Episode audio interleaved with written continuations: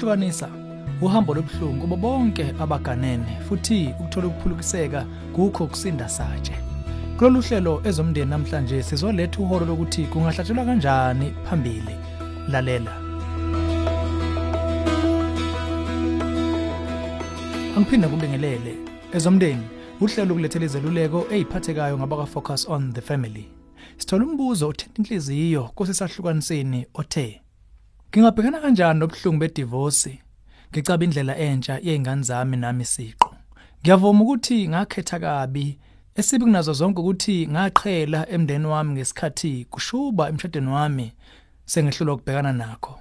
Ngibona manje ukuthi ukuqhala kwami akulethanga kimi kuphela ubuhlungu kodwa naseyinganeni zami. Osekwenzekile kwenzekile futhi akukho osengaguqula ubuhlungu engabudala ngizizwa nginecala elikhulu. Ngiphendukele kukuphi manje? Usuvese uthatha igxathi elikhulu nelindleni enhle ukubona nokumukela amaphutha einqumo ezirongo wazenza. Kulokho sikushayela ihlombe. Sithanda nokho ukuqala ngokunika amazwi enkuthazo. Uma uyinikela wona nezingane zakho emkhulekweni wokunxusa enkosini sikholwa ukuthi izokhola. La uzoya khona kusuka manje kuncike kutheni ukuphi njengamanje nokuthi ufuna ukuyapi impokophelo zakho zizobumbeka ndlela nathizeni kakhulukazi uma ingane zakho zisencane.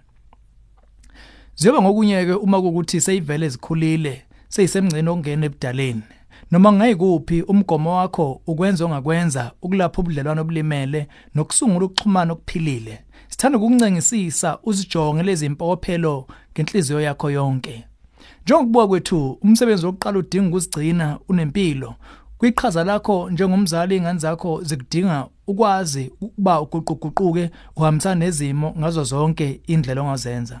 Lokho akunakwenzeka inqobo nje uma usanamathelo emizwa yokuba necala. Ukunqamla lomgudu kumbe lomuzwa uzodinga ukwenza inhloso mpokophelo ezintathu oqala funda ukuhlukanisa phakathi komuzwa wecala weqiniso nowamanga. Valelisa kumuzwa wecala ongamanga. Dweba isithombe sokwenza emzweni wecala oliqiniso kulapho usungakwazi ukwakha ama bridge nokuhlabela phambili nempilo yakho. Umuzwa wecala inyathuko ephelelezeni. Ukuvalela kwingaphakathi lemizwa yakho emibi ugcine egcina kosuku ungasayiboni indlela yaphambili. Kukuphi kuba uzizwe ukunoxaka kanti kolunye uhlangothi lomuza kumbe lomuzwa wecala oliqiniso kukhona okuphathekayo ongakwenza ukuhlabela phambili kulesi simo. Umuzwa wecala oliqiniso yinkintsho ekudonsela ekumukeleni ukuze hlulekela kwakho ukucindezela ukuthatha izinyathelo ezifanele ukusiza ukubona phakathi kongakwenza nongeke ukwazi ukwenza sikhuthaza wenze uhla lwabantu bonke obalimazile. Qala ngalo enanishade naye nezingane zakho. Lolu hla sesesandleni sakho yanalo emkhulekweni. Cela inkosi ukuxola ngakho konke okubi owakwenza. Vula iBhayibheli lakho ku1 John 1 verse 9 funda ngokuvuleleka uwasho lamagama bese umukela intethelo kaNkuluNkulu eza kuwe ngoJesu Kristu.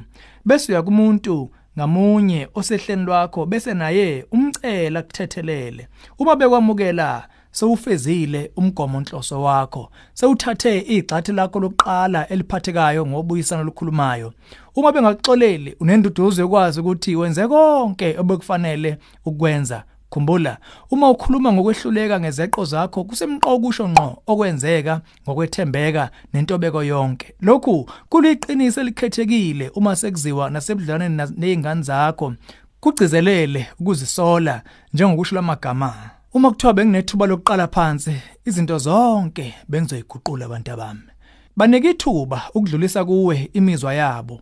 Ziphi ikhathi ukubalalela basize ukulila nokukhipha lomuzwa ngabalahlekelwa yikho ninonke futhi kuze nikwazi uba nihlabele phambili. Abalweki baka focus on the family bothakasa kakhulu ukuxoxa nawe ngocingo ngesimo sakho. Bangaphinde futhi bakuphe uhla longoti abangaba seduze nawe. Shayela ku-031 716 3300 kumbe uthi jeqe ku-safamily.co.za bese ucofa ku-counseling link. Lolu hlelo ezomndeni ulethulelwe yi-focus on the family sihlangabezwa ohlelweni oluzayo